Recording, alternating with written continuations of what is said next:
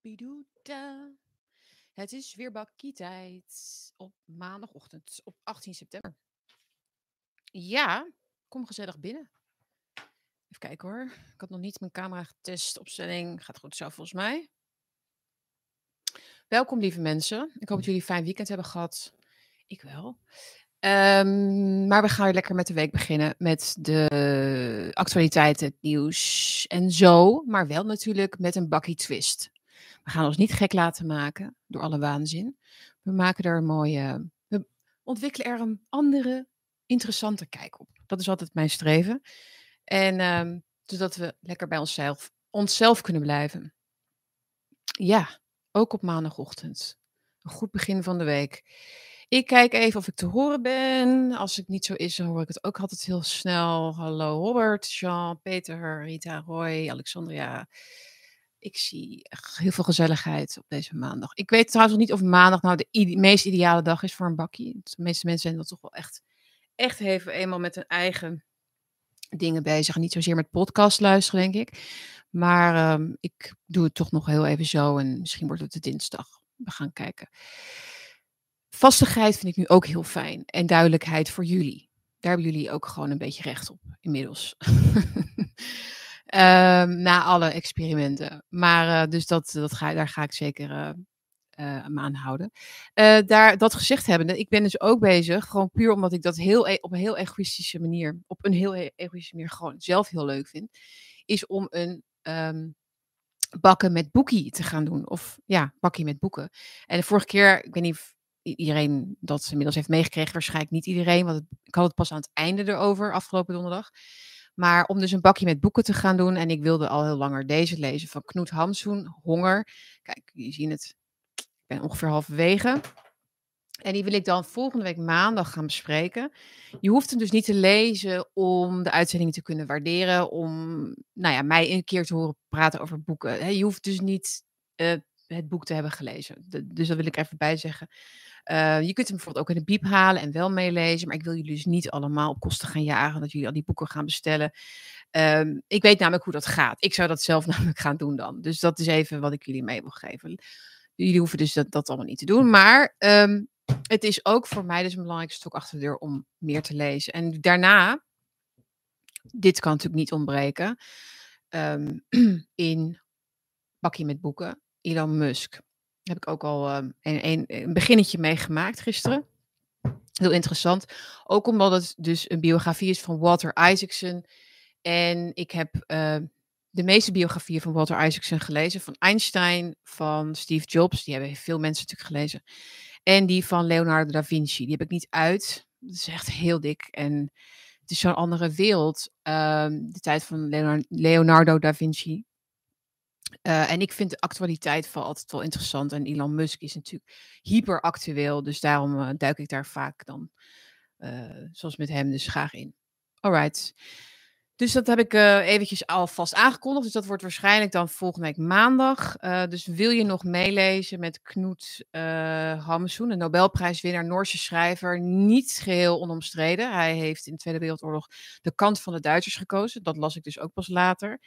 Um, maar goed, dan denk ik meteen, hoe, hoe, hoe kan je een, een, een groot schrijver zijn en toch zoiets doen? De kant van de Duitsers kiezen, zoals heel veel naties, eh, SS'ers, ook van klassieke muziek hielden. Hè, prachtige, uh, de, de, de, de samen, dus dat, dat fascineert mij dan ook weer of zo. Maar goed, misschien komen we daar dan maandag op. Uh, maar dit gaat dus over de stream of consciousness als, als genre, wat dus in de eind 19e eeuw eigenlijk ontstond. Ook met Nietzsche natuurlijk. Uh, dus ik, ik, ik, ik, lees hier ook heel erg de Dostoevsky-stijl in, Nietzsche en zo. De stream of consciousness, uh, wat ik een interessant genre vind, behalve de biografie dus, omdat um, dat eigenlijk, omdat daaruit heel veel ontsnapt van een tijdsgeest. Meer dan dit moet mooi opgeschreven worden, zoals natuurlijk uh, Shakespeare en Jane Austen en zo, en romantische literatuur en zo dat is ook mooi, maar er ontsnapt meer uit van, van kennis, denk ik, uh, in dit genre. Dus vandaar dat ik dit graag lees. Dus dat. Uh, de stroom van bewustzijn. is ook een beetje wat ik met Bakkie doe natuurlijk. Ik weet ook niet wat ik over, waar ik over vijf minuten ben. dat is, dat is het, de spanning die ik ook wel eh, ja, een beetje benauwend vind of zo. Van, zeker met de live eh, streams natuurlijk. Maar die uiteindelijk toch het meest ehm, eh, verhelderen voor jezelf. Dat je verrast jezelf meer of zo. En ik ben met jullie samen. Dus kom gezellig nog als je nog niet net erbij bent. We zijn al een beetje begonnen. Eh, nog even wat andere huishoudelijke dingen voordat we met de onderwerpen beginnen. Even kijken, waar heb ik de notities? Ehm, oh, ik heb heel veel vandaag. Ik moet echt even ehm, gaan beperken tot een aantal onderwerpen. Ik begon de, stream met de titel eh, het, eh, De week begint met donder. Ik werd vanochtend wakker, dus met op de achtergrond het geluid van gedonder. Maar meestal hoor je dan gedonder en een flits en zo. Maar het ging dus de hele tijd ging het gewoon door. Het was één grote... Het was net alsof ik een uh, op mijn koptelefoon op had staan of zo. Weet je wel, je hebt van die. Je, je, weet wel, die geluiden die je kunt opzetten om in slaap te vallen. En zo. Maar het was dus in het echt. En het gaf meteen een beetje zo'n vreemd gevoel of zo. Van, oh, zo'n dag wordt het. Oh, zo'n dag. Maar eigenlijk ben ik er alweer vanaf. Het is alweer niet meer. Het is niet meer zo donker als het uh, een uur geleden was. Dus uh, vandaar donder. Maar dondert natuurlijk wel um, in de politiek, in, um, in de wereld eigenlijk. Het dondert en het bliksemt. Maar wanneer gaat de regen nou een keer vallen? Hè? Is dan mijn. Uh... Wanneer gaat de regen vallen, jongens? En wanneer komt de zon weer tevoorschijn? Dat zouden we graag willen weten. Uh, Sietske Bierma ziet haar vlinder staan. Dat klopt, inderdaad. Dus laten we de post maar meteen even doen. Ik heb hele leuke post gekregen. Uh, gisteren, eergisteren, wanneer was het? Ik ga twee keer in de week ga ik altijd even kijken. Nou, er zat dus echt weer een jack, de jackpot uh, er, had ik te pakken met deze mooie letterbox. Die inderdaad door een opvallende kijker, oplettende kijker moet ik zeggen, um, mij is gestuurd naar mij is opgestuurd. Arnoud, uh, goedendag Sietske, bedankt voor de bakkies. Ik miste de letterbox van een tijdje terug, dus bij deze. En hij kan ook op USB. Inderdaad, ik had dus een probleem met de batterijen, want die vielen er elke keer uit, dus hij deed niet. Maar dit is een nieuwe. Hartstikke leuk. Het is inderdaad beter zo. Ik ben het er helemaal mee eens. En die vlinder is van Sietske Bierma, inderdaad. Ja, ik noem je achternaam nu, merk, bedenk ik me nu. Dat doe ik eigenlijk nooit. Maar uh, jij bent heel vaak in de chat. Dus ik denk dat je misschien. Uh, dat je het niet erg vindt, toch? Dank je wel. Mooi. En dank voor jullie post. Je kunt dus post sturen naar postbus 189 1200 Anton Dirk in Hilversum. Dat klinkt als een grote mensenprogramma, hè, als je het zo zegt. Hmm in Hilversum. Het is ook een grote mensenprogramma. Ik denk wel dat ik een van de. dat ik wel tot de grote mensen op behoor. De volwassenen, zeg maar. Als je kijkt naar het, uh, het kleutergedrag uh, van veel journalisten. Want ik denk dat het dat ook is. Um, kinderlijk. Hè? Dat, dat hele cancel, de hele cancelcultuur. Dat, dat op eieren lopen en elkaar uitschelden. Er zit, er zit zoveel schoolpleingedrag overal. Dat um, ik wel kan zeggen dat ik vind dat er. Er zijn al volwassenen, laat ik het zo zeggen. Hoe kwam ik hier nou weer op? Niet zo raar.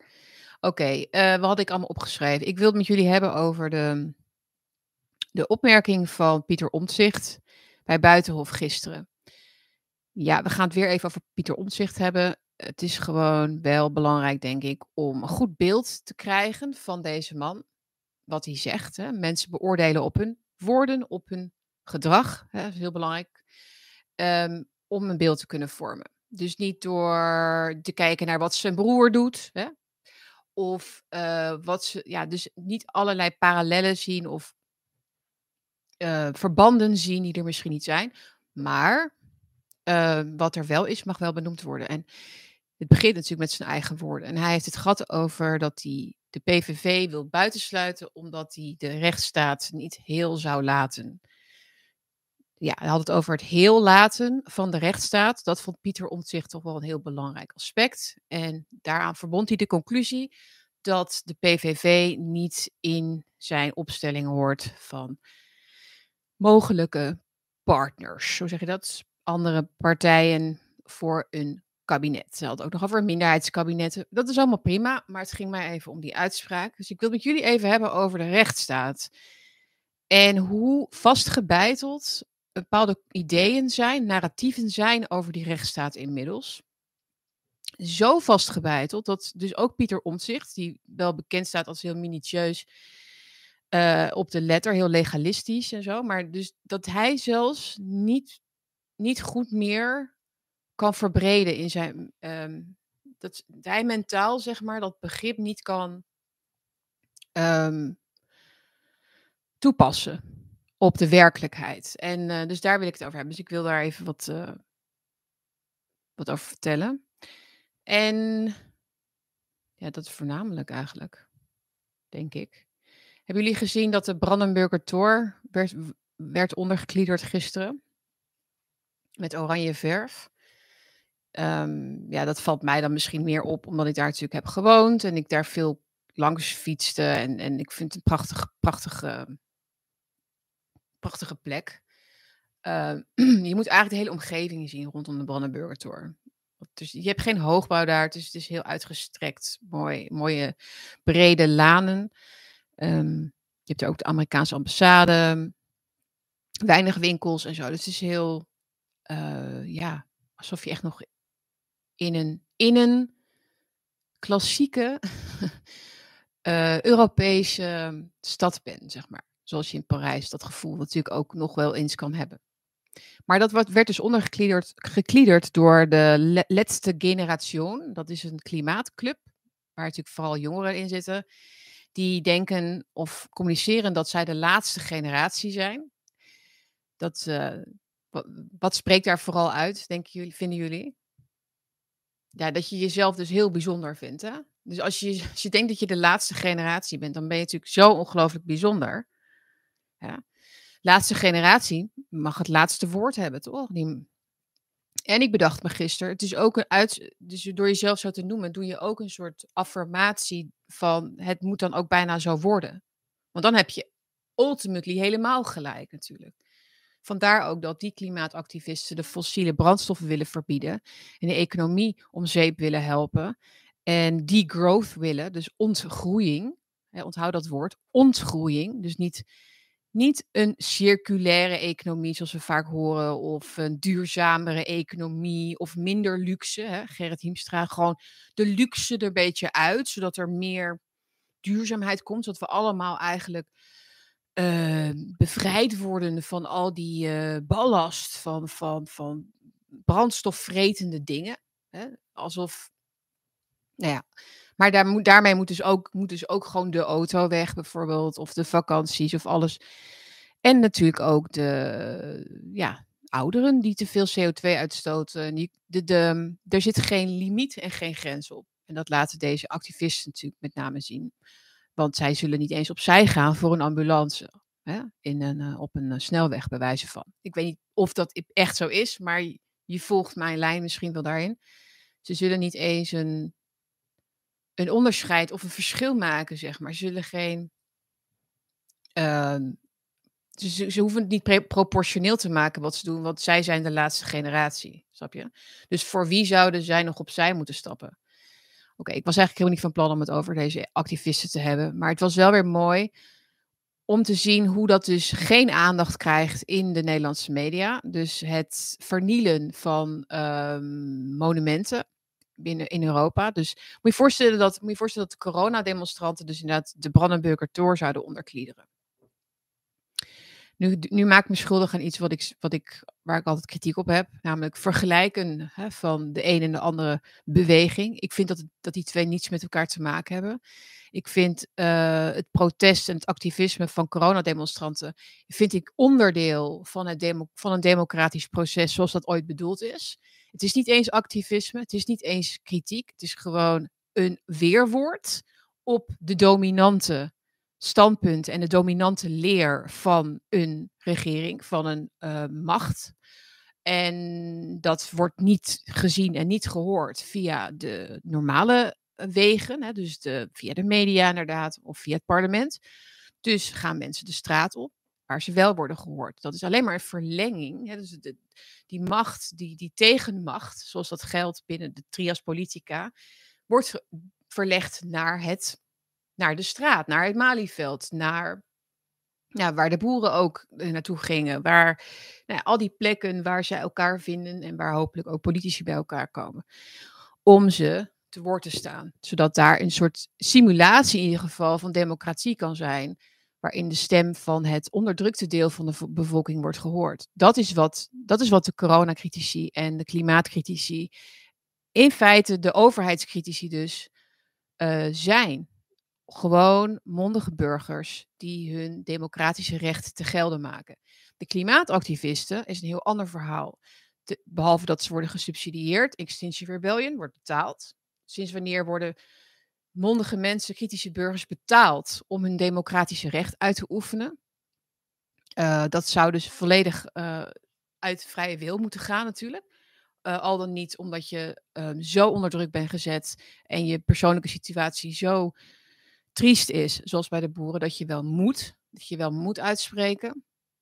Dat geldt voor deze verwende jongeren veelal uh, natuurlijk helemaal niet. Ze gaan gewoon op reis, zitten gewoon in hun uh, mooie uh, wat is het, zolderkamers in, hun, in de villa-wijken bij hun ouders, die ze natuurlijk gebruiken als een soort uithangbord voor hun vrienden. Kijk eens hoe maatschappelijk geëngageerd mijn kinderen zijn. Ze geloven erin. Ze vinden dat een mooie etala ze etaleren zeg maar hun, hun, hun zorg om de planeet. Dat hebben ze natuurlijk van hun ouders geleerd. Dat brengen ze dan mee naar de straat. Vaak zijn het ook verwaarloosde jongeren, depressieve jongeren, ja, verwaarloosd is ook, ook, door hun ouders, door de maatschappij. Uh, of in een inverwent. Dat, uh, dat is even de generalisatie. En dat zijn, geen, dat zijn helemaal geen activisten. Dat zijn, zoals een Duitse journaliste dat ook noemde, uh, useful idiots. Ze had, ja, zij noemde dat ook. Jullie zijn, in het Duits weet ik even niet hoe ze het zei. Jullie zijn nuttige, ik kan het wel even opzoeken. Jullie zijn nuttige idioten en jullie hebben niet door dat jullie meehelpen aan het uh, fascisme van het globalisme. Jullie helpen deze macht in het zadel om, of om ze in het zadel te houden. Ik kan even kijken. Beetje droge mond.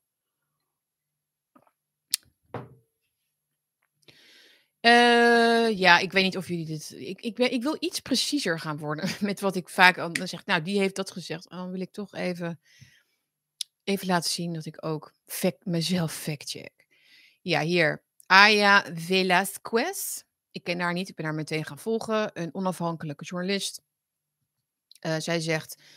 Uh, ik zal even de post vertalen. Het is een saai op. Je wordt beschermd door de staat. Zij richt zich hier dus tot die laatste generatie activisten bij de Brandenburger Tor. Ze zegt, je wordt beschermd door de staat. Je hebt het zelf gezien hoe de politieagenten rustig toekeken in de Friedrichstraße, terwijl jij je handen aan het schilderen was. Ze zouden je nooit de Brandenburger Tor hebben laten bespuiten als deze exacte afbeeldingen niet gewenst waren. Dus deze afbeeldingen, dus vertaling, maar als deze beelden hè, voor het publiek niet gewenst waren. Jullie zijn de stoottroepen van het nieuwe mondiale fascisme en jullie weten het niet eens. Wat mij spijt is het natuurlijke idealisme van jonge mensen dat schaamteloos wordt uitgebuit in jullie nepverzet uh, tegen kunstgras. Nee, ik weet niet wat, wat voor rare vertaling. Maar goed, naar mijn mening is dit geestelijk misbruik. Nou ja. Dat is nogal uh, forse, forse uitlaat. In, dat zij het heeft over fascisme als parallel, als vergelijking, als metafoor, misschien zelfs. Hè? Ehm, is overigens niet meer zo heel vanzelfsprekend hoor, dat je dat kunt doen in, uh, in Duitsland. Daar wordt heel snel mee afgerekend via de censuurpolitie. Want je mag absoluut niet de huidige tijd vergelijken met die tijd in Duitsland. We hebben, dit gaat dus al lang niet meer over holocaustontkenning of dat soort mensen, of het verheerlijken van het nazisme. Het gaat puur over het vergelijken van regimes. Een kennis van mij is er ook voor veroordeeld onlangs trouwens. Voor satirische uitgaven. Ehm, maar goed, daar gaan we het andere keer wel over hebben. Uh, zijn, zijn uitzending, of mijn uitzending met hem, ik heb hem een keer in mijn uitzending gehad van Bakkie, is ook uh, eraf gehaald. En heb, ik heb een strike gekregen vanwege het praten met hem. Dus je snapt dat ik een beetje voorzichtig ben nu. Ik vind het echt, nou ja, goed. Um, en dan vind ik het wel het waard om het een keer over hem te hebben, maar niet zo even tussen neus en lippen door, zonder dat ik er even over heb nagedacht. Goed. Um, ja, dus de verschil, dus hou dat in, hou dat, uh, hou dat in, heel erg in, het in, in je hoofd van de klimaatactivisten en de overheidscritici worden vaak door onze kant heel erg met elkaar vergeleken. Omdat er wordt gezegd, de overheid meet met twee maten.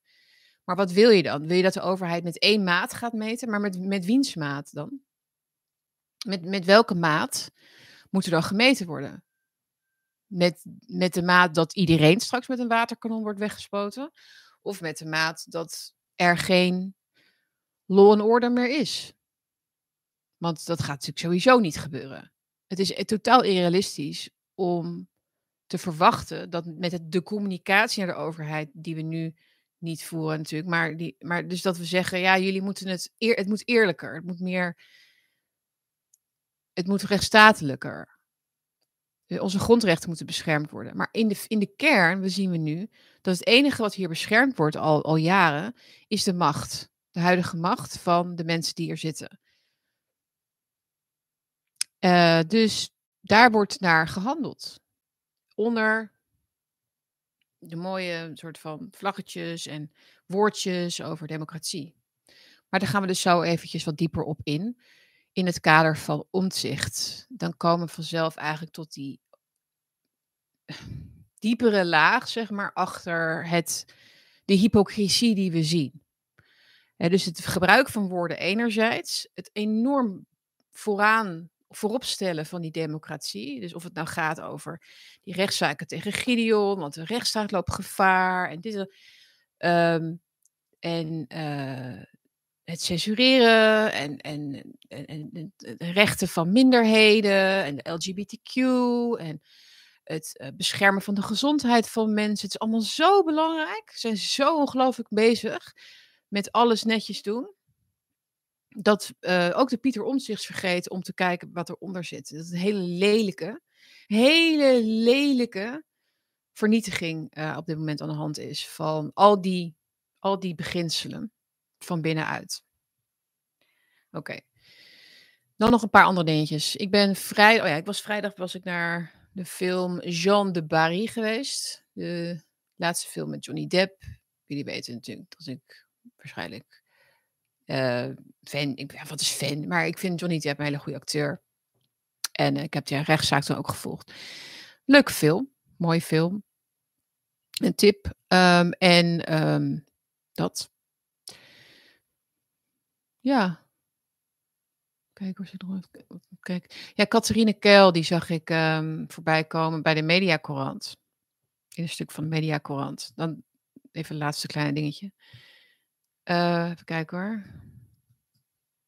Ja, Catharine Keil is eruit bij NPO Radio 1 na uitspraken over klimaat. Um, ja, Catharine Keil maakt geen onderdeel uit meer van het Mediaforum, de dagelijkse mediarubriek op NPO Radio 1. En dan zeggen jullie natuurlijk allemaal, who cares? Niemand luistert daar meer naar. Maar Catharine Keil is net als Viola Hol natuurlijk echt nog van de oude stempel. En ik denk dat zij echt nog dit is, hier zie je dus heel goed hoe die mensen, zo, niets vermoedend, eigenlijk in die hele cancelcultuur uh, worden ingekapseld als, als soort van veilige mensen eerst, voor, voor het establishment. Maar zij, zij, zijn nog niet, ze hebben de memo nog niet gekregen, zeg maar. Viola Holt verstand het inmiddels wel. Maar Catharine Keil die heeft de memo nog niet gekregen. Dat je niet zomaar kritiek kan hebben op, op, op uh, Carice van Houten dat kan helemaal niet. Dat, want dat was het probleem namelijk. Um, ja, Catherine heeft zich onder meer uitgesproken tegen klimaatstrijder Carice van Houten.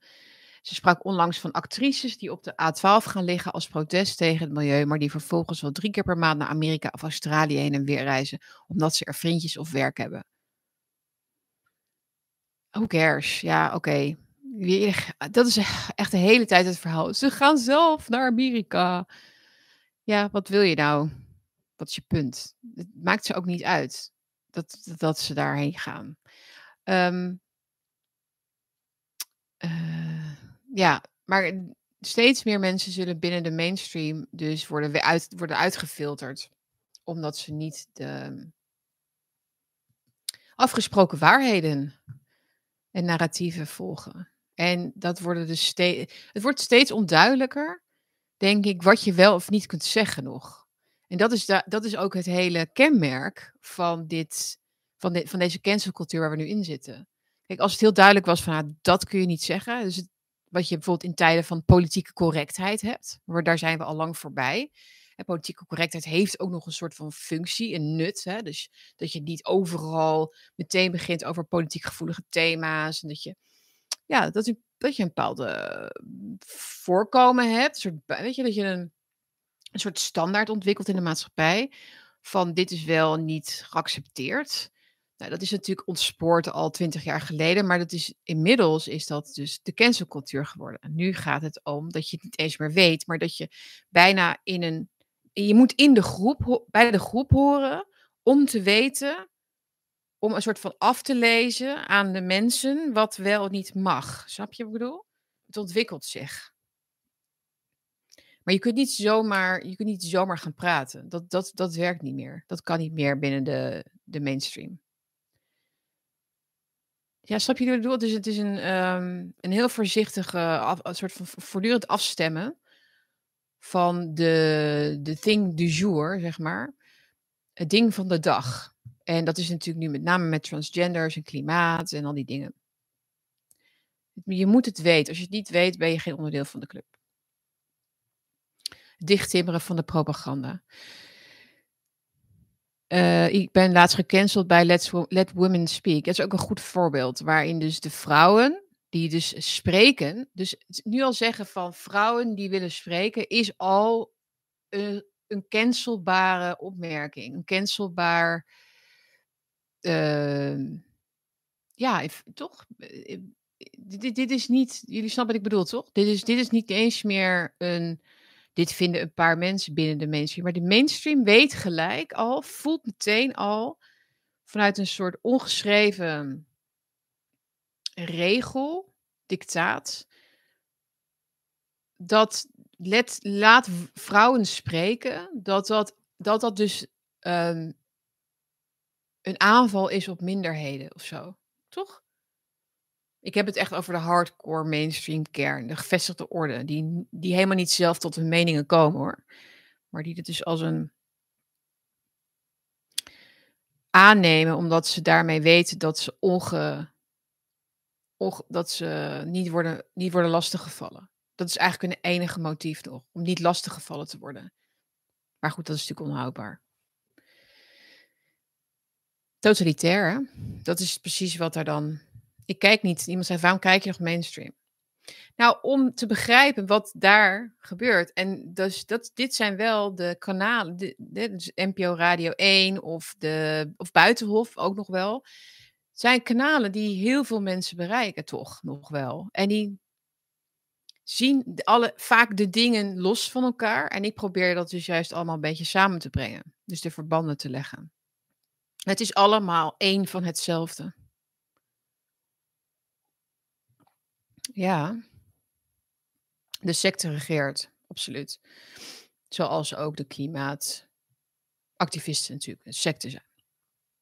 Oké, we gaan naar, uh, we gaan naar uh, omzicht. Vergeet niet te liken, jongens, en te delen en te abonneren nu je hier toch zit. Uh, kleine moeite, groot plezier.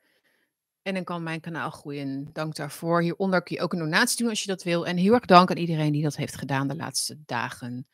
Heel fijn. En dan kan ik hier lekker mee bezig zijn natuurlijk. Voorbereiden en zo.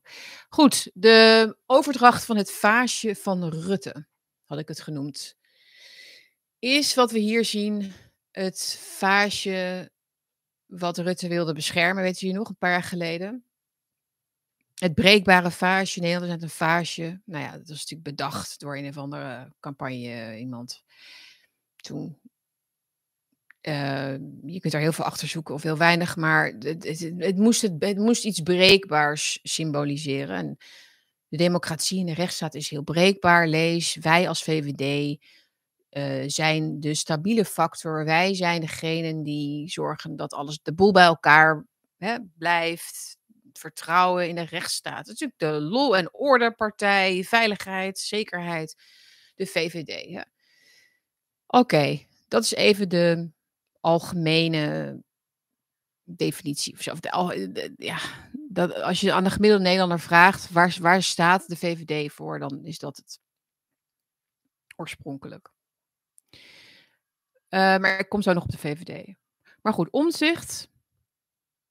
Je moet me even concentreren. Want dit, ik, omzicht die zegt dus in, bij Buitenhof. Uh, niet een slip of the tongue. Want hij heeft het al eerder gezegd. Dat de PVV niet een partij is waarmee hij wil samenwerken. Omdat de stand, hun standpunten over de rechtsstaat hem tegenstaan. En de letterlijke tekst was. Ik wil alleen samenwerken met partijen die de rechtsstaat heel laten. Heel laten. Dus heel laten zoals het vaasje van Rutte, zeg maar. Dus daarom, zei, daarom dacht ik ook, zag ik ineens zo die overdracht van dat vaasje van Rutte naar omzicht of zo. Het heel laten van de rechtsstaat, daar zit al heel veel in. Dus uh, omzicht zegt hier dus dat de rechtsstaat heel is. Nog? Dus uh, hij wil het heel laten. Hij wil het heel laten. En als je met de PVV samengaat, en daaronder zal hij ook vast de FVD scharen, dan breekt dat. Dan breekt die rechtsstaat. Hè? Het is een grappig trouwens hoe hij dus hier een one-liner gebruikt waar hij zich zo tegen afzette de afgelopen interviews. Ik wil geen one-liners, ik ben van de inhoud, ik wil diepere gesprekken. Diepere... Maar is, er, is er een grotere one-liner dan ik wil de rechtsstaat, wat duidelijke one-liner dan ik wil de rechtsstaat heel laten? Bedoel, wat, bedoel je daar, wat bedoel je daarmee? Dus hij is nog heel, hij moet heel blijven. De PVV is anti-rechtsstatelijk. Het is een, de one-liner der one-liners bijna. Uh, dus waarom doet hij dat? Dus hij heeft hier dus wel een belangrijke reden voor. Want hij kan het ook hij hoeft het helemaal niet te zeggen. Voor wie zegt hij dit? Wat, welke mensen wil hij naar zijn partij trekken? Nou, PVV'ers wordt heel lastig, want die zijn heel honkvast. Die zullen blijven stemmen op Geert Wilders. Die zitten in, in Limburg, die zitten in bepaalde streken, die zijn loyaal en trouw aan Wilders om redenen. Um, en die willen alleen maar horen of Omtzigt hun serieus wil nemen en ze misschien als een mogelijke partner zien, hè? dus in, de, in een kabinet. Um, nu, ze dat, nu dat dus niet zo blijkt te zijn, heeft Omtzigt eigenlijk een groter probleem. Want dan um, heeft, werkt hij dus een heel groot deel. Wat zijn het inmiddels? 25 zetels of zo, Wilders? Of is het al een stuk minder? heel groot deel van de bevolking tegen zich in het harnas. Want wat zeg je hiermee eigenlijk tegen die mensen, tegen PVV-stemmers? Jullie zijn tegen de rechtsstaat. Jullie zijn antidemocratische, anticonstitutionele bur uh, burgers. Jullie zijn tegen de rechtsstaat. Je kan zeggen, ja, nee, dit is een formele uitspraak. Nee, dat is wat die mensen horen. Dat is wat die mensen horen. Dus, dus dat, dat, dat verlies neem je dan in de beeldvorming als omzicht al om die mensen dus tegen je het harnas te jagen om ze te disqualificeren. Terwijl een groot deel van je campagne ook is het herstellen van het vertrouwen, herstellen van de cultuur, de bestuurscultuur. Um, zaken op orde stellen. Zogenaamd het snappen samen met BBB van de gewone Nederlander. Nou ja, niet dus. Dus wat, wat kan er anders dan achter zitten om zo'n principieel standpunt te doen. Ik denk dat het dat zijn wil en wens en verlangen om bij het establishment te horen en die kansen die daar liggen op samenwerking open te houden, dat dat sterker is, dat verlangen sterker is dan de werkelijke kans die er ligt. Voor het opgrijpen ligt werkelijk. Omdat, eh, dat is echt mijn, mijn geloof en mijn mening omdat ik geloof dat de, de wakkere burger, um, het, het potentieel wat daar zit, niet alleen maar aan kiezers, maar ook aan veranderingsdrift en aan, aan, aan zin in, in een nieuwe politieke wind, zeg maar. Waarbij dus eigen kracht en eigen, ja, zeg dat? De, de, het terugnemen van, van je, van je eigen, van eigen verantwoordelijkheid was wat ik zocht. Als burger, als land. Dat, dat, wordt, een, dat wordt een sneeuwbaleffect. Dat, wordt, dat kan een sneeuwbaleffect worden. Geloof maar, want al die mensen die aan de fence zitten en ja, ik ben het ook niet helemaal eens meer met, ik, ik hoef ook niets eigenlijk met, met al dat klimaat en ik hoef niks met al die, ik hoef helemaal geen eh, prikken meer en ik wil eigenlijk, ja, ik, vind die a- migratie ook een beetje, ja, ja, dat is ook niet echt wat ik, ja, ik ben het ook niet meer zo e- mee eens. Die mensen zullen, zullen zo, zo graag ook weer aan die kant willen staan van een nieuwe politieke omwenteling. Net als in Duitsland trouwens. Maar we gaan het nu niet over Duitsland hebben. Maar dit staat niet op zichzelf. Maar hij kiest er dus voor om te virtue signalen, om de opties open te houden met de VVD, om, nou whatever reason. Dat speelt mee. Maar dan denk ik nog van, maar ook dat hoeft hij niet eens te doen. Wat, wat, wat beweegt hem nou om dingen te zeggen die hem niet direct iets opleveren? Dat vind ik zo. Dus dan is er dus een andere reden. En ik denk dus dat het te maken heeft. Ik denk dus dat die andere dingen ook een rol spelen. Maar ik denk dat het te maken heeft met echt een onvermogen om buiten de narratieven. De in. Wat, hoe had ik het opgeschreven? Ehm, even kijken hoor. Bum, bum. Ja, dus dat die. De, de, de narratieven zijn zo erin gebeiteld bij al deze mensen. Die dus vanuit de gevestigde politiek zich nu een beetje loswrikweken, hoe zeg je dat?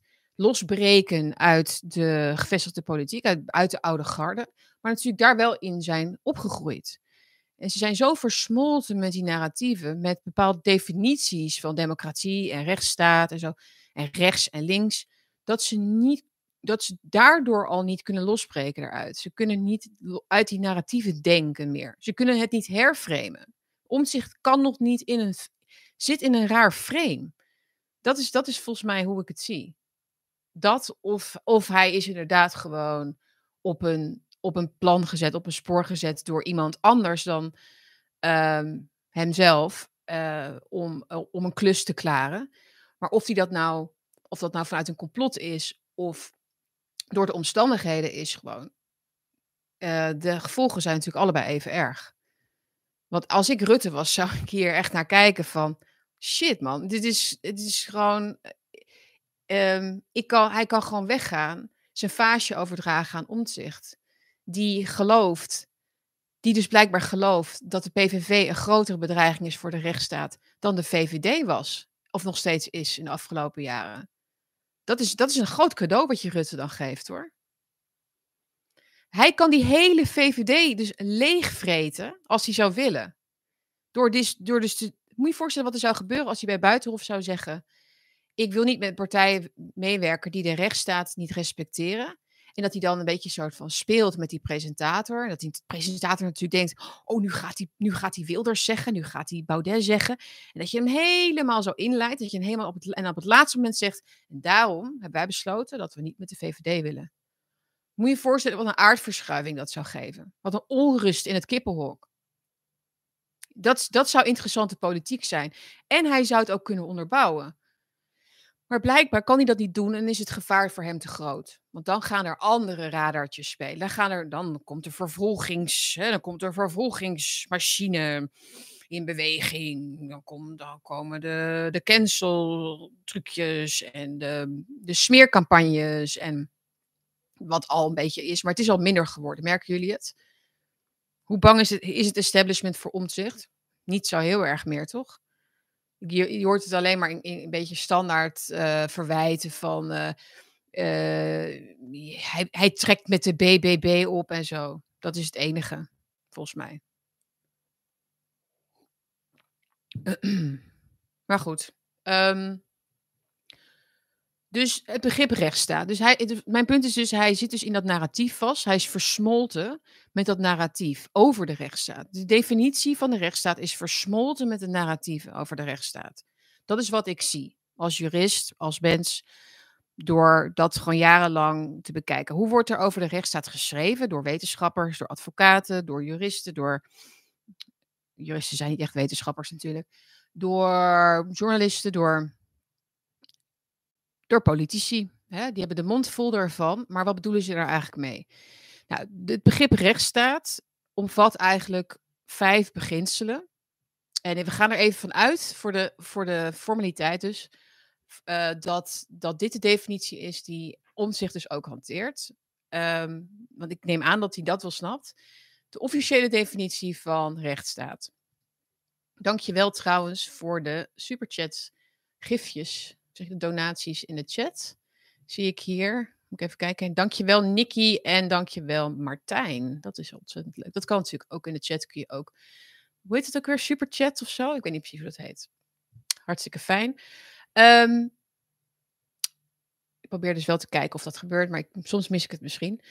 Maar hij houdt zich dus wel vast aan die definitie. Oké, dus dan laten we het even uitpakken. Dus hij heeft het over de rechtsstaat die hij wil vasthouden. De rechtsstaat betekent dat je een constitutie hebt en een legaliteitsbeginsel, ten eerste.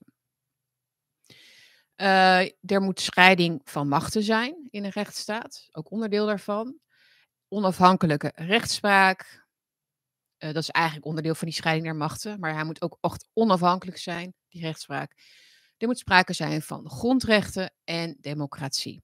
Je kunt hem eigenlijk nog reduceren tot twee, drie beginselen. Hè. Dus vooral scheiding der machten, uh, constitutie en democratie. Dat zijn eigenlijk de belangrijkste.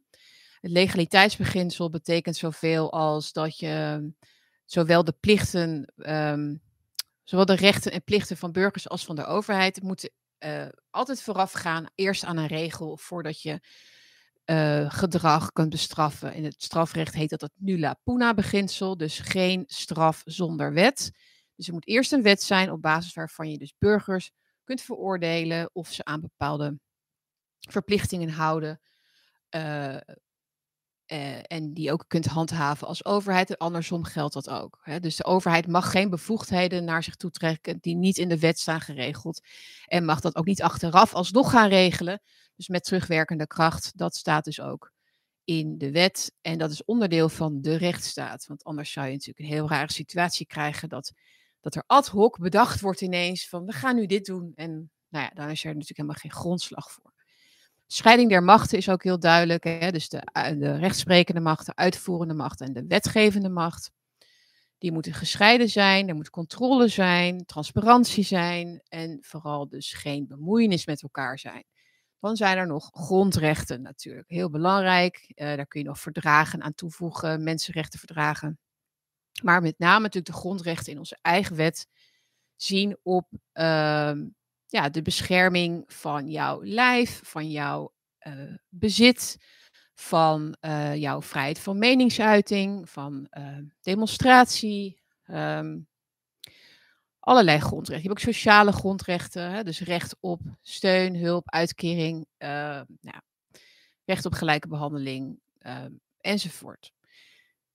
Dat dus, dat geldt in Nederland. En natuurlijk hebben we de democratie. Zonder democratie geen rechtsstaat. Dus dat gaat gepaard met verkiezingen. Uh, democratie in een rechtsstaat is ook altijd zo. Is het ook altijd zo dat de belangen van minderheden. Uh, dus democratie is niet het recht van de, van de meerderheid per se. Maar dat in een rechtsstaat moeten ook belangen van minderheden dus worden in oogschouw worden genomen en moeten worden, moeten worden beschermd. En dat gaat dan natuurlijk dan weer via de rechtspraak en, en de grondrechten. Dus alles in een ideale situatie is alles yin en yang. Alles is yin en yang. Dus de overheid wordt beperkt door haar eigen regels. Hè? En die is gebonden aan regels. Ze mogen, ons, ze mogen niet ons huis binnen. Hè? Ze mogen je niet zomaar aanhouden zonder verdenking. Um, ze, ja, ze mogen heel veel niet. De helft van het wetboek van het strafrecht gaat eigenlijk over wat de overheid niet mag. Dat is heel grappig. Mensen denken dat dat gaat over wat wij niet mogen, maar het gaat vooral over de beperkingen die dus overheden hebben, die de macht heeft om ons om niets, om een vage verdenking of wat dan ook op te sluiten zonder eerlijk proces. Anders zou het natuurlijk maar een rommeltje worden.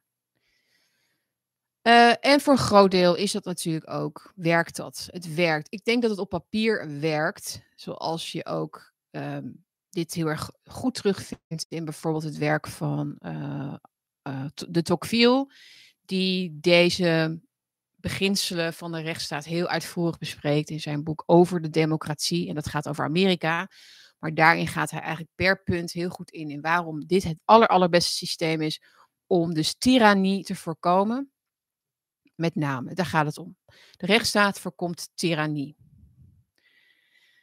Nou, gelukkig hebben we dat natuurlijk niet in Nederland. Dus, dat, dus ik begrijp dat omzicht de rechtsstaat heel belangrijk bovenaan zet. Uh, hij wil dat graag beschermen. maar dan zegt hij dus dat de PVV de partij is die dat rechtsstaatprincipe bevelt. Hè? Dat is, uh, want die zijn tegen immigratie en tegen islam. En dat, dat, dat klinkt als walks like a duck, talks like a duck. Dus dat klinkt als tegen de rechtsstaat. En de, ja, je kunt daar, je kunt daar een meteen een mening over hebben. Van, nou ja, oké, um, als je tegen de islam bent, ben je dus tegen de vrijheid van godsdienst. Dus dan ben je inderdaad niet, um, eerbiedig je niet de grondrechten. En dat is in strijd met de rechtsstaat. Dus ik zeg niet dat de PVV een rechtsstaat um, absolutist is en, uh, enzovoort. Maar ik vind deze uitspraak rechtvaardigt niet um, wat we zien. Of zeg je dat is, is niet in lijn met wat we zien bij andere partijen. Nou, vond ik dus vanochtend een rapport van de Orde van Advocaten. Die heeft in 2017, uh, dat was vooraf aan de verkiezingen toen, toen hadden we ook Tweede Kamerverkiezingen in 2017. Daarna, dus, daarna dus in 2021, maar daarover heb ik niks gevonden. Maar in 2017 heeft de Orde van Advocaten dus alle partijen die toen meededen aan de verkiezingen langs de meetlat gelegd van de rechtsstatelijkheid. Dus dan kunnen we even een beeld krijgen bij hoe rechtsstatelijk, dus de klassieke partijen, dus we hebben het over VVD, D66, GroenLinks, PvdA, CDA en uh, toen in die tijd volgens mij nog geen FVD. Maar goed, het gaat dus even om de gevestigde partijen, ook PVV dus, hoe die het doen, zeg maar, op de thermometer van de rechtsstaat. dus de Orde van Advocaten is natuurlijk ook niet helemaal, um, hoe moet je dat zeggen, vrij, vrijdenkend. Maar het is ook niet zo dat, dat ik het disqualificeer, wat zij schrijven. Bovendien kun je zelf redelijk goed met het lezen van het rapport uh, nagaan of het waar was wat ze zeiden na de hand dus. Want dat bleek dus na de hand wel. Even kijken. Dus de. Uh, dus daar kunnen we eventjes naar kijken. En dan wil ik het even hebben over. Um, 2000, dus zeg maar vanaf 2020, wat we hebben gezien. Qua welke partijen de rechtsstaat hoog in het vaandel hadden en wie niet.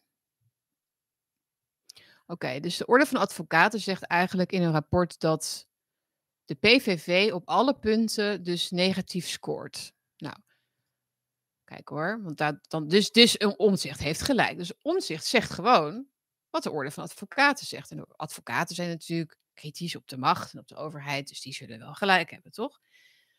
Hier, dus de Orde van Advocaten heeft overal rood. uh, of de PVV heeft overal uh, rood gekregen. Nou, bijvoorbeeld de PVV schrijft in haar verkiezingsprogramma dat zij nieuwe asielzoekers erbij wil hebben, geen immigranten uit islamitische landen, verblijfsvergunningen voor bepaalde tijd intrekken. Nou, ik denk dat iedereen inmiddels de PVV-punten wel krijgt. Hè? Dus die worden hier ook genoemd natuurlijk. Ook, maar ook dus het verbod van de Koran. Hè? Verbod van de Koran. Uh, verbod van uh, terugkeer van Syriëgangers. Uh, en even kijken hoor. Uh, islamitische hoofddoekjes in publieke functies weren. Islamitische uitingen die in strijd zijn met de openbare orde verbieden. Uh, nou, samengekomen, zegt de Orde van Advocaten, raken deze, samengenomen raken deze maatregelen de vrijheid van godsdienst en staan haaks op het non-discriminatiebeginsel. De maatregelen raken alleen islamitische uitingen en laten andere religieuze of levensbeschouwelijke uitingen ongemoeid.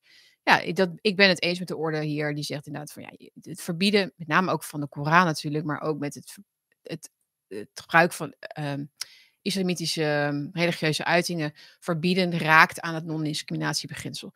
Oké, fair enough. Uh, gewoon puur heel sec genomen is dat inderdaad een strijd met de grondwet. Dus kun je dat als een niet rechtsstatelijk standpunt beschouwen. Dus PVV heeft, doet dat. Maar dan kijk je bijvoorbeeld naar de VVD. De VVD, mensen. Dus in 2017.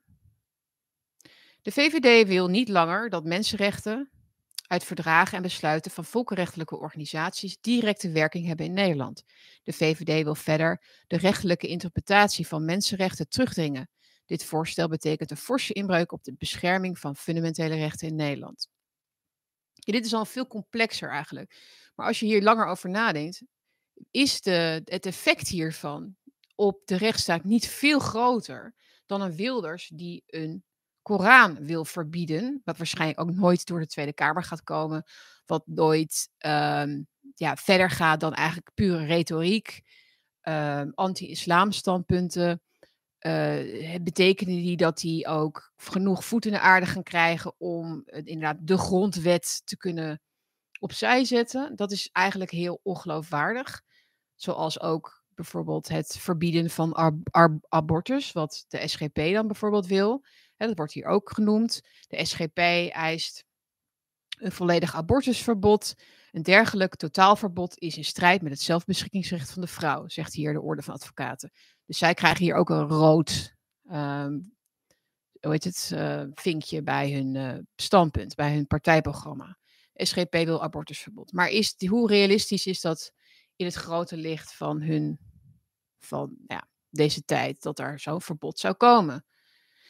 Maar hou dat zelfbeschikkingsrecht ook even vast. Want dat vindt de Orde van Advocaten dus een belangrijk puntje. Daar krijg je rood voor. Hè? Als je een zelfbeschikkingsrecht van de vrouw dus op een zijspoor wil zetten.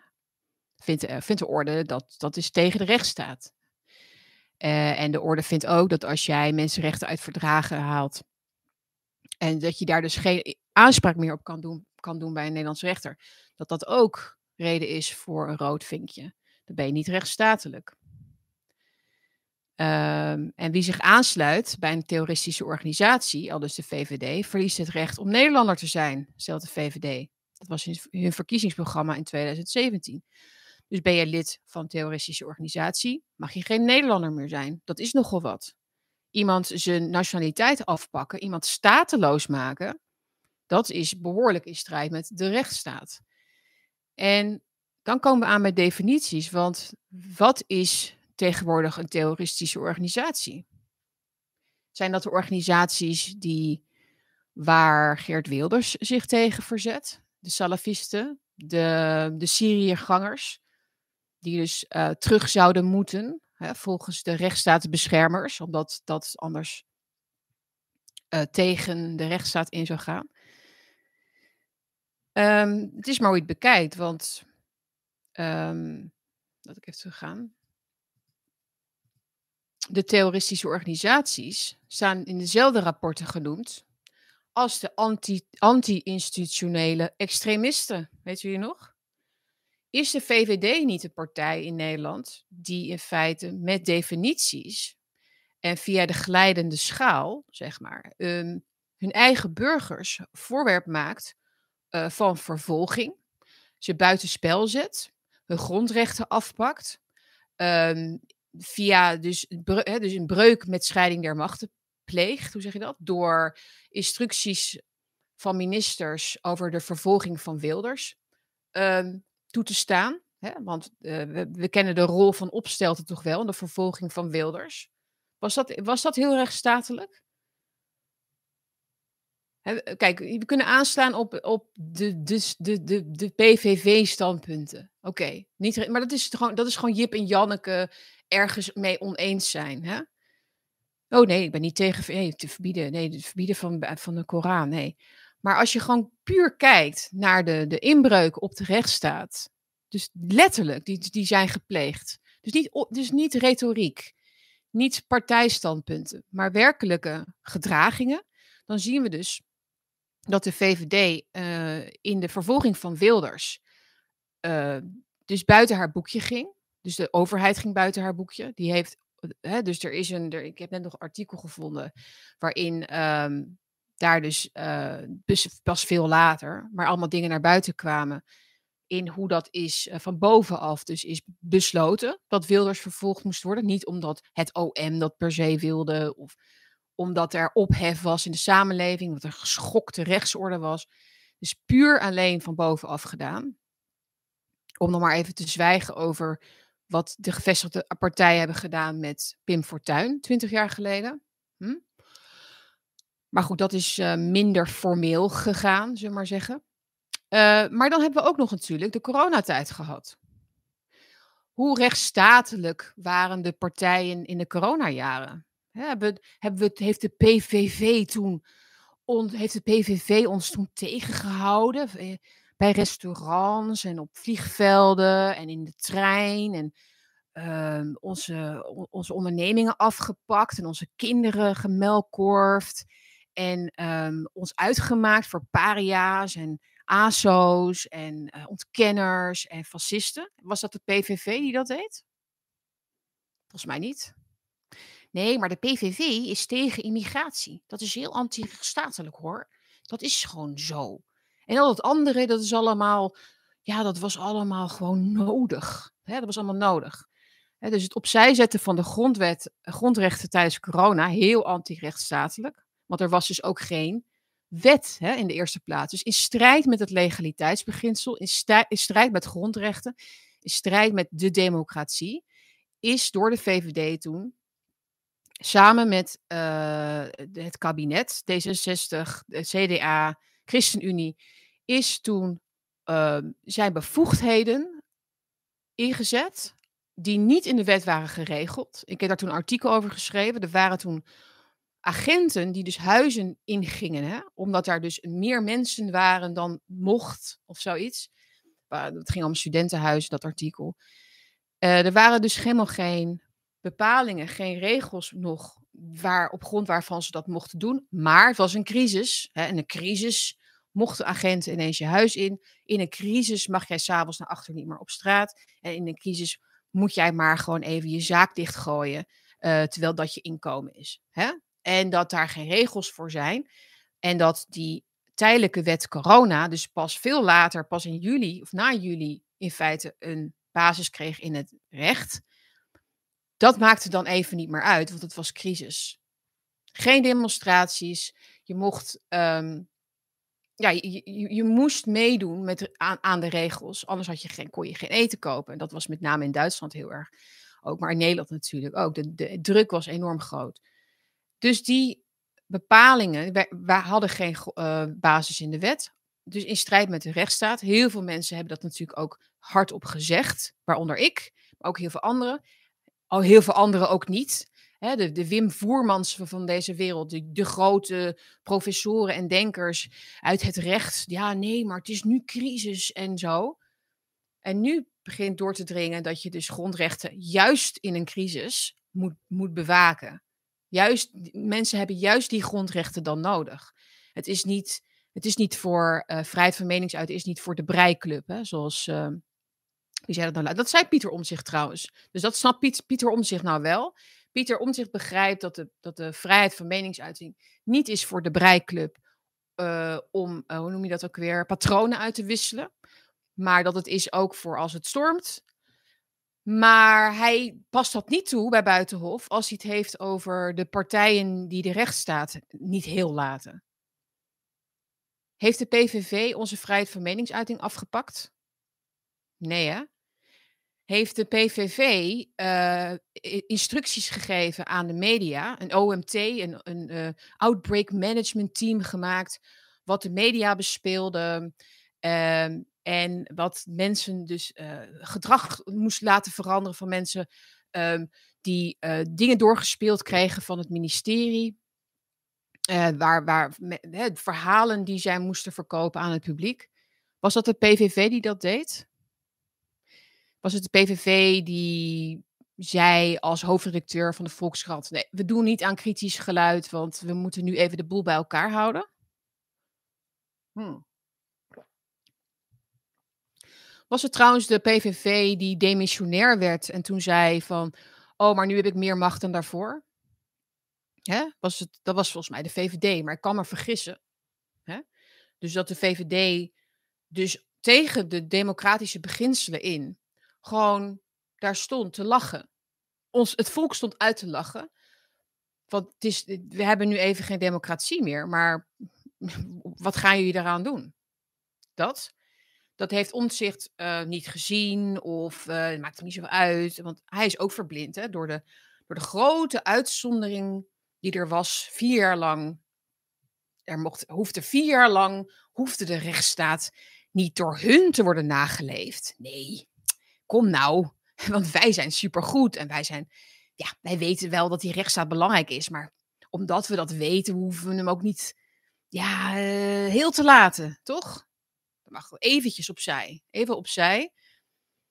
Nou ja, wat heb ik nog meer allemaal opgeschreven wat de PVV niet deed? Uh, nou, een oorlog in Oekraïne beginnen. Of in ieder geval deze in stand houden, die oorlog in Oekraïne. Is dat, is, is dat volgens de beginselen van de rechtsstaat? Hebben we, daar, hebben we daarvoor gestemd? Hebben we daarvoor gekozen?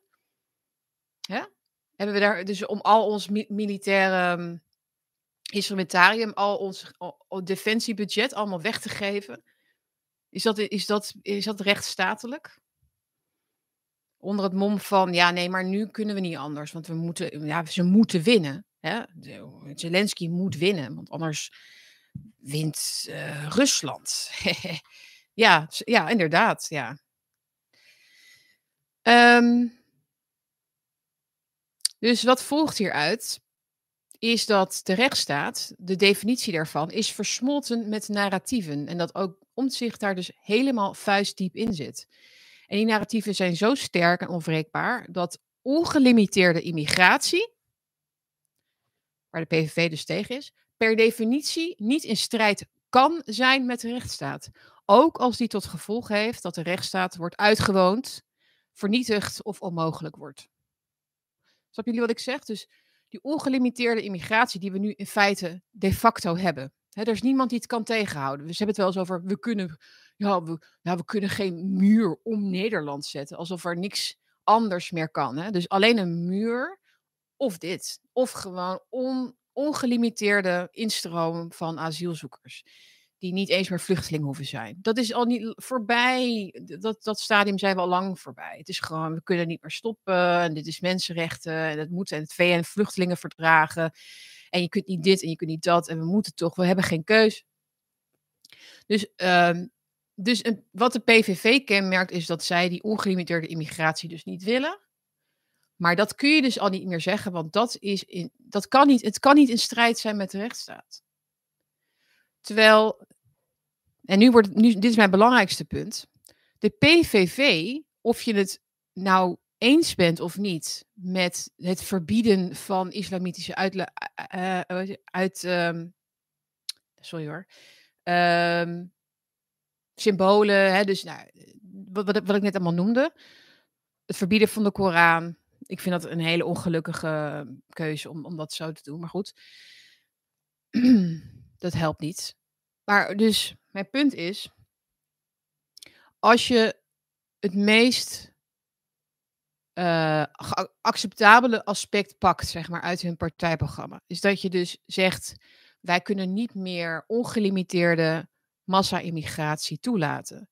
Als je dat bekijkt in het licht van de rechtsstaat, is dat de meest, meest rechtsstatelijke uh, uitleg, of het meest rechtsstatelijke, rechtsstatelijke principe wat je maar kunt formuleren op, in deze tijd. Omdat die immigratie ervoor gaat zorgen dat we helemaal niet meer voldoende middelen hebben voor de rechtsstaat. Hè? Hoe kun je nog spreken van gelijkheid als, als de voorrang, hè, dus als asielzoekers voorrang krijgen op woningen, recht op werk? Hè? Dat is ook een, inmiddels een, um, ja, dat wilde volgens mij de VVD ook. Dus het recht op werk, moet je voorstellen. Wie in Nederland hebben er recht op werk? Maar goed, asielzoekers hebben recht op werk. Dus je creëert ongelijkheid. Je creëert een klasse samen, een samenleving hè, van immigranten en autochtone burgers. waarbij dus voorrangsregels gaan gelden, die al gelden. Is dat rechtsstaat? Dus de effecten van massa-immigratie leveren dus onrechtsstatelijkheid op. Want je, je, je vertrappelt de grondrechten van Nederlanders daarmee. Omdat die mensen moeten ergens wonen, die moeten ergens werken, die maken aanspraak op, op uitkeringen. Hè? Uh, hoe moet dat dan? Op, die, ze krijgen gratis gezondheidszorg. Hebben wij dan toegang op gezondheidszorg? Voldoende? Zijn, kunnen we nog op tijd bij een ziekenhuis komen? Dus we gaan een rechtsstaat voor de mooi. Hè? Dus het wordt, we krijgen een rechtsstaat voor de mooi, waarin er heel veel rechten zijn. Oh, iedereen heeft ontzettend veel rechten. Maar uiteindelijk ben je rechteloos en staatteloos, letterlijk. Want onderdeel van welke staat ben ik eigenlijk? Van Nederland? Van, van The World According to Ursula von der Leyen of zo? Of Klaus Schwab? In, in welke, in welke ja, in welk land leef ik eigenlijk? In welke entiteit? Hè, dus dat is, dat, is de, dat is het echte, het echte verhaal. Dat is niet een narratief. Maar omzicht gelooft dus ook in die hardnekkige, met de definities versmolten. Want het is niet dat, het is niet dat hij zegt van, ja, maar het, het, gaat niet over grondrechten, het gaat niet over democratie. Nee, dat, dat vindt hij ook. Het gaat over al die dingen, al die belangrijke dingen, gaat het volgens hem ook scheiding der machten. Maar vervolgens gaat hij een hele andere kant op. Dan gaat hij het hebben over de PVV. Terwijl die dingen zeggen die nooit, die nooit in regels worden uh, opgenomen, die, die geen regels worden, die nooit door. Uh, nou ja, terwijl dus de, de echte, um, het echte vertrappelen van die rechtsstaat gebeurt onder onze ogen, dus door demissionaire, demissionaire kabinet, kabinetten uh, wat mij betreft ook demissionaire media en demissionaire wetenschappen. Ze zijn allemaal al lang weggestemd in de hoofden van mensen. Omdat ze er alleen maar voor zichzelf zitten. Dat is ook in strijd met de rechtsstaat, volgens mij. De rechtsstaat, de, de, de recht ikke, ikke ikke en de, recht, en de rest kan stikken, toch? Um, dat merk je trouwens ook, hè, dat omzicht dus uh, zo in die narratieven zit, dat hij het ook heeft over die January 6 uh, eh, dingen. Zo. Uh, dat dat een soort van, dat dat een, ook een bedreiging was voor de, voor de rechtsstaat of zo in Amerika. Dus dat, dat, dat, dat bewijst mijn punt wel, is dat hij dus daarin meegaat. Dat rechts fout, links goed, ik ben ergens in het midden, dus ik ben super want ik verbind en ik ga het anders doen, maar wel, ja, dus de echte vragen en behoeften negeer ik.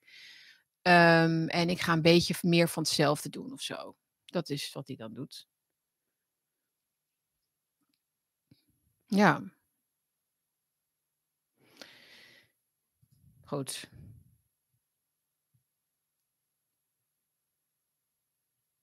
In Spanje lachen ze ons uit.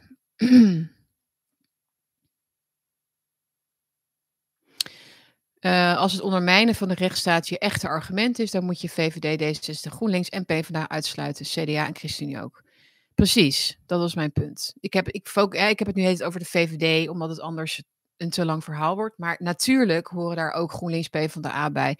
Want zij hebben allemaal meegedaan, drie jaar lang. Of het nou in de Kamer was of in het kabinet, of waar dan ook. Want ze hebben elkaar allemaal onder het mom van crisis, onder het mom van beschermen van, van de volksgezondheid, hebben ze alle grondrechten opzij geschoven. Dus de recht staat in feite in de koelkast gezet of in de vriezer. Of gewoon in een ravijn geduwd, wat mij betreft. Want je krijgt het ook niet zomaar terug. want wij zitten nu met een wet op de publieke gezondheid. Um, wat, waarin dus ook die tijdelijke maatregelen nu zijn opgenomen. Dus ze kunnen weer, uh, als ze willen, kunnen ze weer die grondrechten um, opzij zetten op het moment dat er dus een virus komt. Dus je krijgt die verabsolutering uh, van mensenrechten. Dat, dat, is, dat is nu wat de rechtsstaat heet. Dat, is, dat is nu de rechtsstaat geworden. Dus de cultivering van slachtoffers, de cultivering van slachtofferrechten. En de slachtoffers zijn de slachtoffers die zij aanwijzen. De slachtoffers zijn de mensen die mogelijk aan een virus gaan overlijden. Dus die krijgen de rechten. Dus wij mogen niet meer werken. Dus wij moeten binnen blijven. Dus wij moeten, snap je? Dus gezondheidsrecht wordt mensenrechten, net als het recht op een schoon klimaat. Dat hebben ze ook bedacht. Mensen hebben recht op een schoon klimaat. Dat is uh, het erfenis van de Urgenda uitspraak van het Hof, een paar, of, sorry, van de Hoge Raad een paar jaar geleden, waarin wordt gesproken over het recht op een schoon klimaat. Dus ik, ik word daarin betrokken als mens. Dus ik heb, ik heb volgens mijn overheid dus recht op een schoon klimaat. Maar omdat ik daar recht op heb, waar ik helemaal niet om heb gevraagd of zo, maar goed, dat wordt dan besloten, moet ik allerlei anti, uh, anti, anti-humane uh, regels en wetten en dictaten tolereren. Omdat ik, omdat ik daarmee word beschermd, zogenaamd, tegen zeespiegelstijging of zo. Of de, het uitsterven van een vogelsoort. Snap je? Dus dat is, de, dat is hoe de rechtsstaat nu wordt ingevuld. Zij, zij beslissen welke mensenrechten prevaleren. En de basisgrondrechten, dus het zelfbeschikkingsrecht en de vrijheid van meningsuiting, wordt daaraan ondergeschikt gemaakt. Dit is, dit is wat er is gebeurd in een hele korte tijd. Vrijheid van meningsuiting is een soort van, ja, leuk, leuk dat je je mening mag geven, maar we hebben nu belangrijkere dingen te doen. Alsof het over mening gaat, alsof het, um, nou ja, hier heb ik het al heel vaak over gehad. Dit, um, dat is de, zonder vrijheid van meningsuiting heb je geen democratie. Dat, dit is het belangrijkste. Eh, en zonder, zonder Hugo de Jonge en een corona 2G-pas is er nog wel democratie hoor. Maar dat, ja.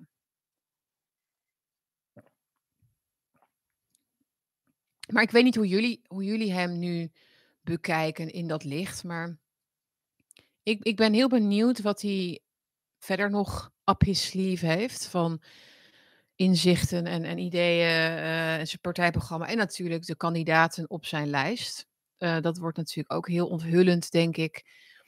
Uh, interessant is het zeker.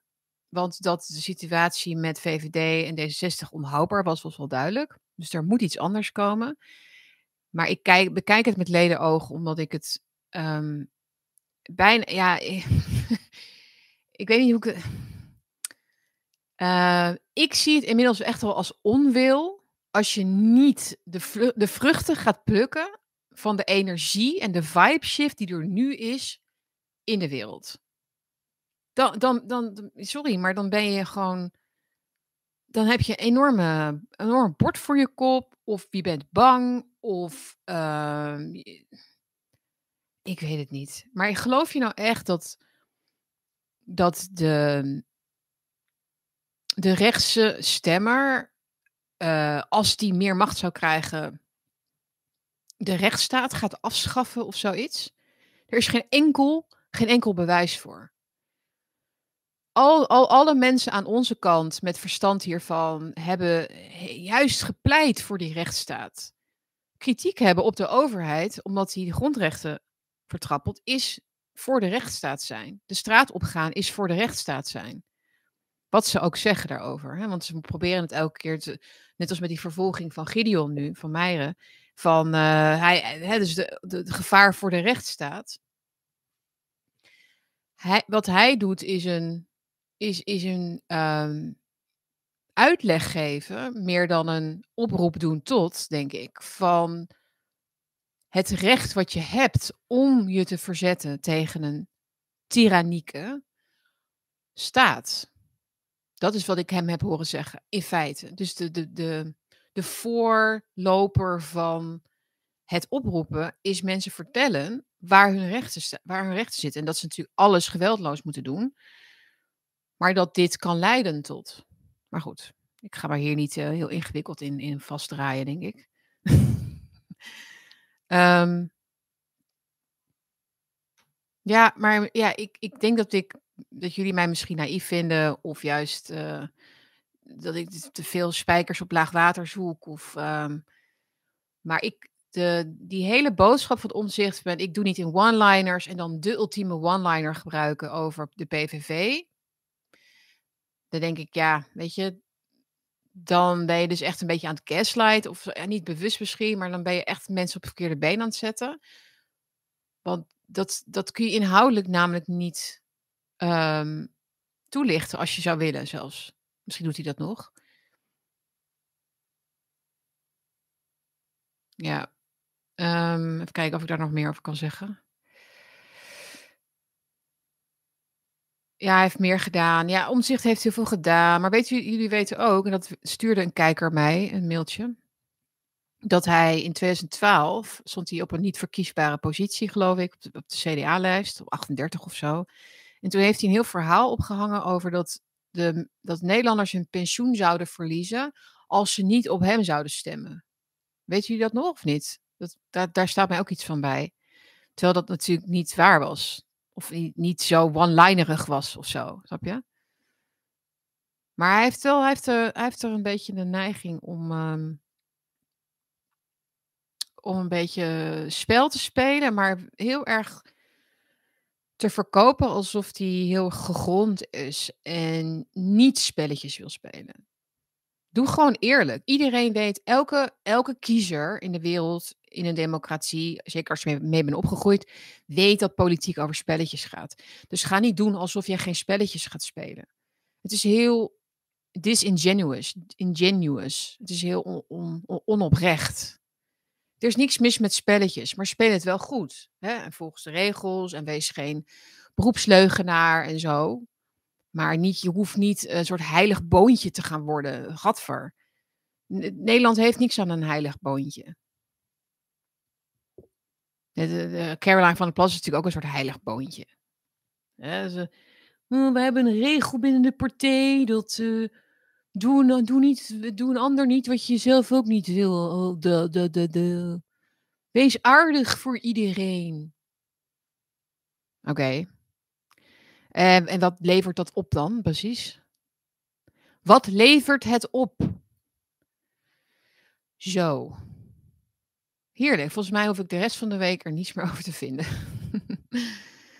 even kijken, ik zit even jullie chats uh, te lezen. Leuk dat Michael er ook weer even is. Um, even kijken. Heilige boontjes doen het goed in Nederland. Ja, dat is wel zo.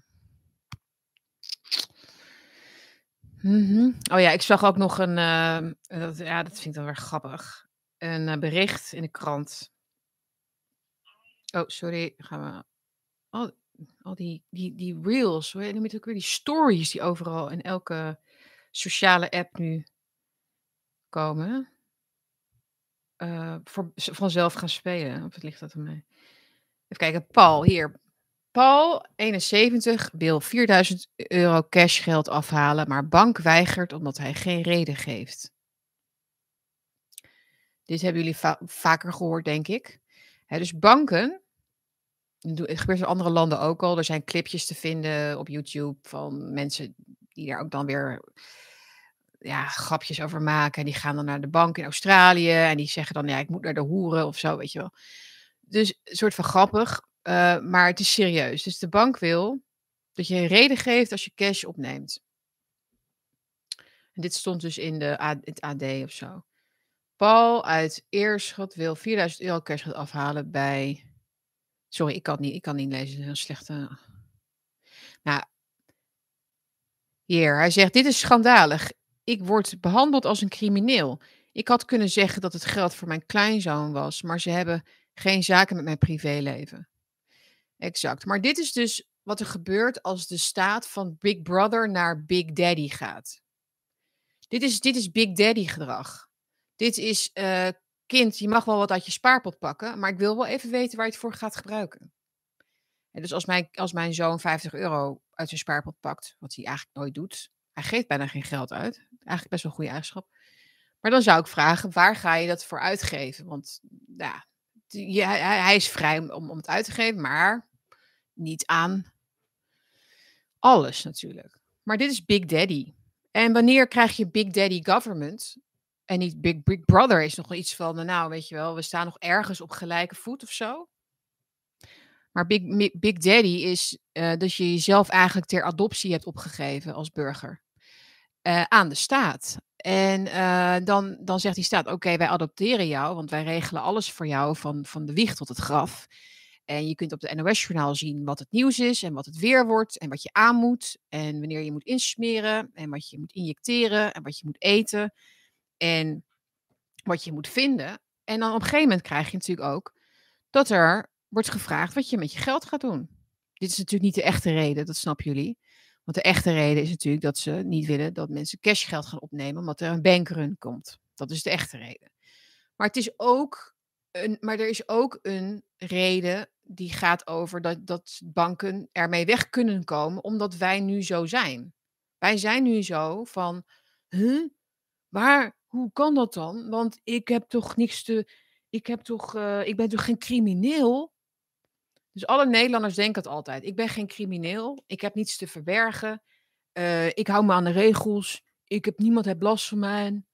Uh, maar daar gaat het helemaal niet om. Want iedereen is in de ogen van Big Daddy een crimineel. Tenzij je bewijst dat het niet zo is. Hè?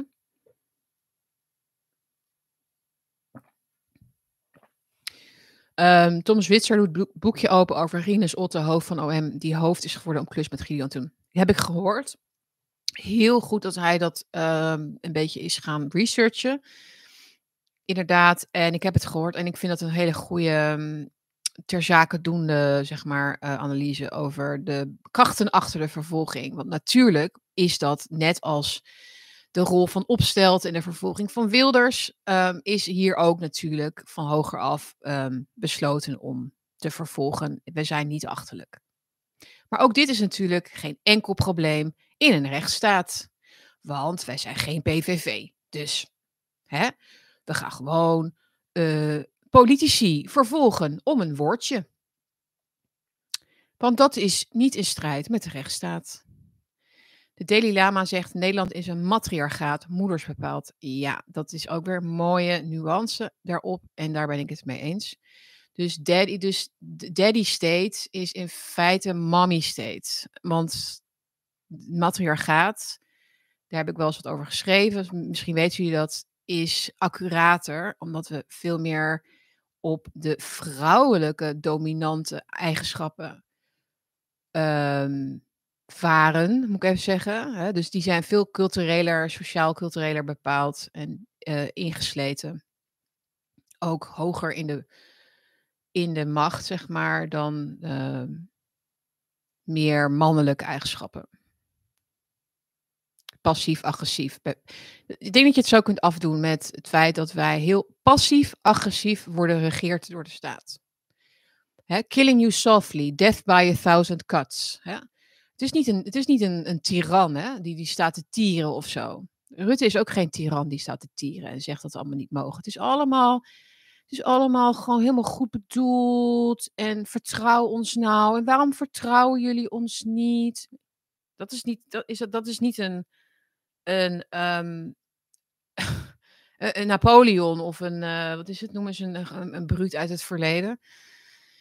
Het is allemaal heel erg moederlijk. Hè? Dus kom onder mijn rokken. Hè? Kom, kom bij mij. Ik druk jullie aan mijn borst en jullie zijn veilig. Hier, neem dit pilletje. Al die kinderen ook die aan de antidepressiva zitten. De, de, de, de devouring mother. Hè? Word maar rustig. Hè? Word maar, blijf maar gewoon mak. En um, hou, hou je leven zo veilig en rustig mogelijk en geen spannende dingen.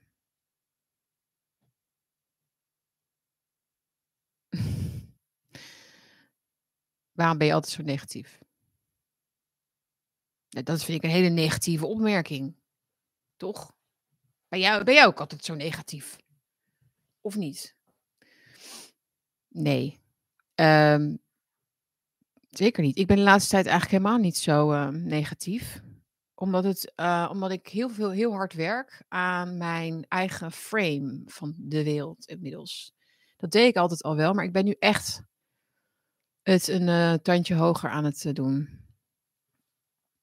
Um, ik heb het laatst ook gehad hè, over die white pill. Maar ik geloof daar op een niet, niet al te zweverige manier, maar ik geloof wel echt in uh, de dingen herframen zo dat je ze niet, niet uit de weg hoeft te gaan. Hè? Dus je moet, je moet denk ik niet de werkelijkheid uit de weg willen gaan. Je moet jezelf niet gaan onderdompelen en allerlei in spiritualiteit en yoga sessies en, en, en ayahuasca's en, en weet ik veel wat. Mag allemaal, het is allemaal fijn en zo, vast wel. Maar je, je moet het ook aangaan, denk ik. En, maar dat kan dus door het te herframen. Dus een blik te ontwikkelen die, die, die, die gekke lui op afstand houdt. En jezelf, uh, ja, gezond. Mentaal. Goed. Um, 12 uur, jongens. Jeetje.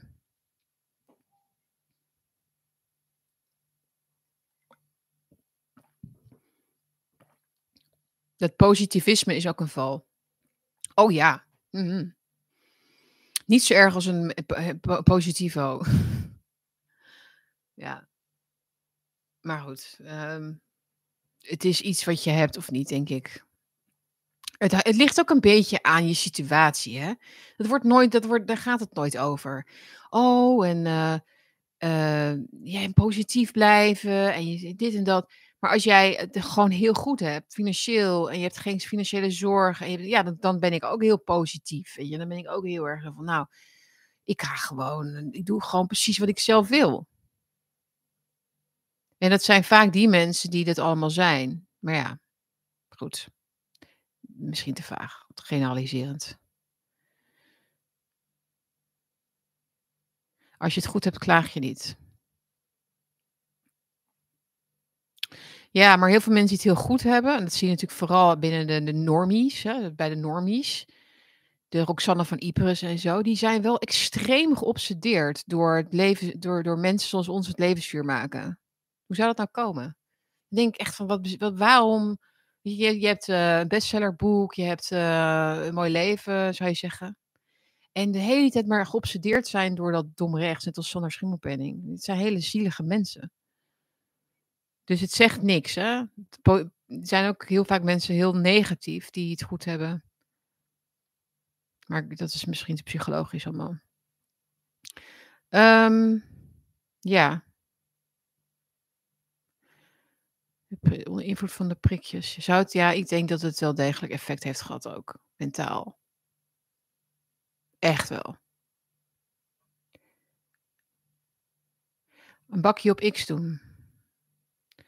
Uh, werken voor wat bedoel je? Zou, moet ik een bakje op X doen? Ik kan wel een, um, spaces doen of zo een keer. Misschien. Ja, die mensen draaien helemaal door, zegt Anneke ook. Ja, de meltdown.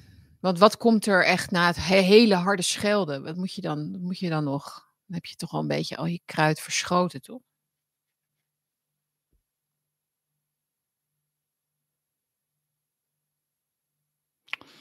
Um, ik ben een beetje leeg, merk ik. Ik ga gewoon uh, afsluiten, denk ik.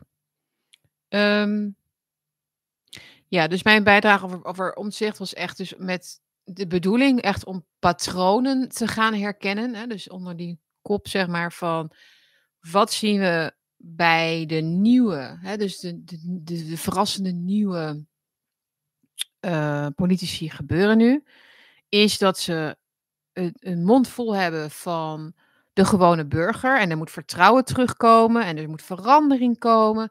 Maar dat ze heel erg afremmen op het moment dat het daar echt over zou moeten gaan. Op het moment dat je dat echt de harde waarheid erover moet gaan benoemen. Dus waar is het misgegaan met de rechtsstaat? Dat ze dan een totale verkeerde afslag nemen. Dus dat ze volledig varen nog en praten met de woorden en praten met definities en de uitleg van, van, van ja, de werkelijkheid van de oude garde, van de gevestigde macht. Dat ze daar nog helemaal in zitten. Dus dat is bizar, denk ik, voor mij.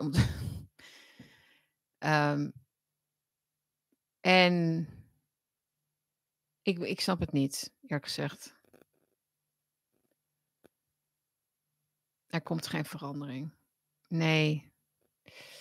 Um, nog niet. Ja, doe spaces, zegt iemand, zegt Michael. Um, Oké, ik ga daarvoor nadenken.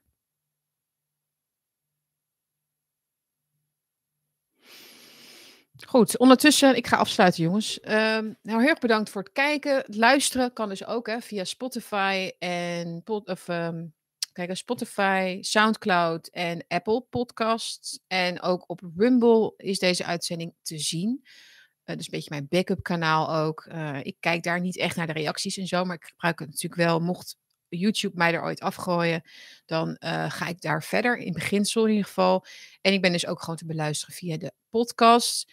Vergeet niet te liken, te delen en te abonneren. Als je abonneert, zeker met die livestreams, dan krijg je dus ook te zien wanneer mijn volgende is. En dat wordt vaak gevraagd van wanneer ben je er dan weer. Maar als je dus abonneert, dan krijg je die, als het goed is, als ik niet wordt geshadowband die dag of die week, dan krijg je dat gewoon in je abonnementenlijst, in je uh, YouTube-omgeving, krijg je dat gewoon meteen te zien.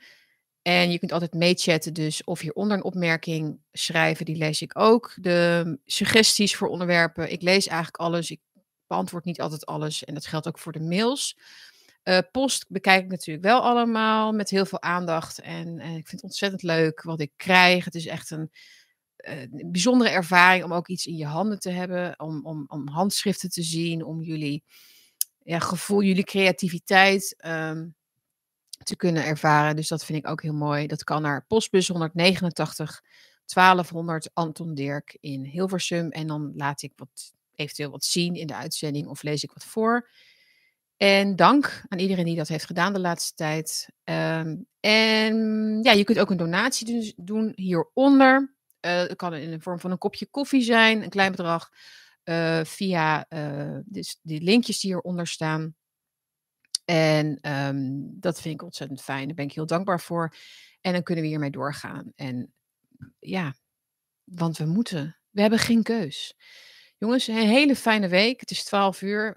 De, dag moet echt gaan beginnen, denk ik, voor jullie.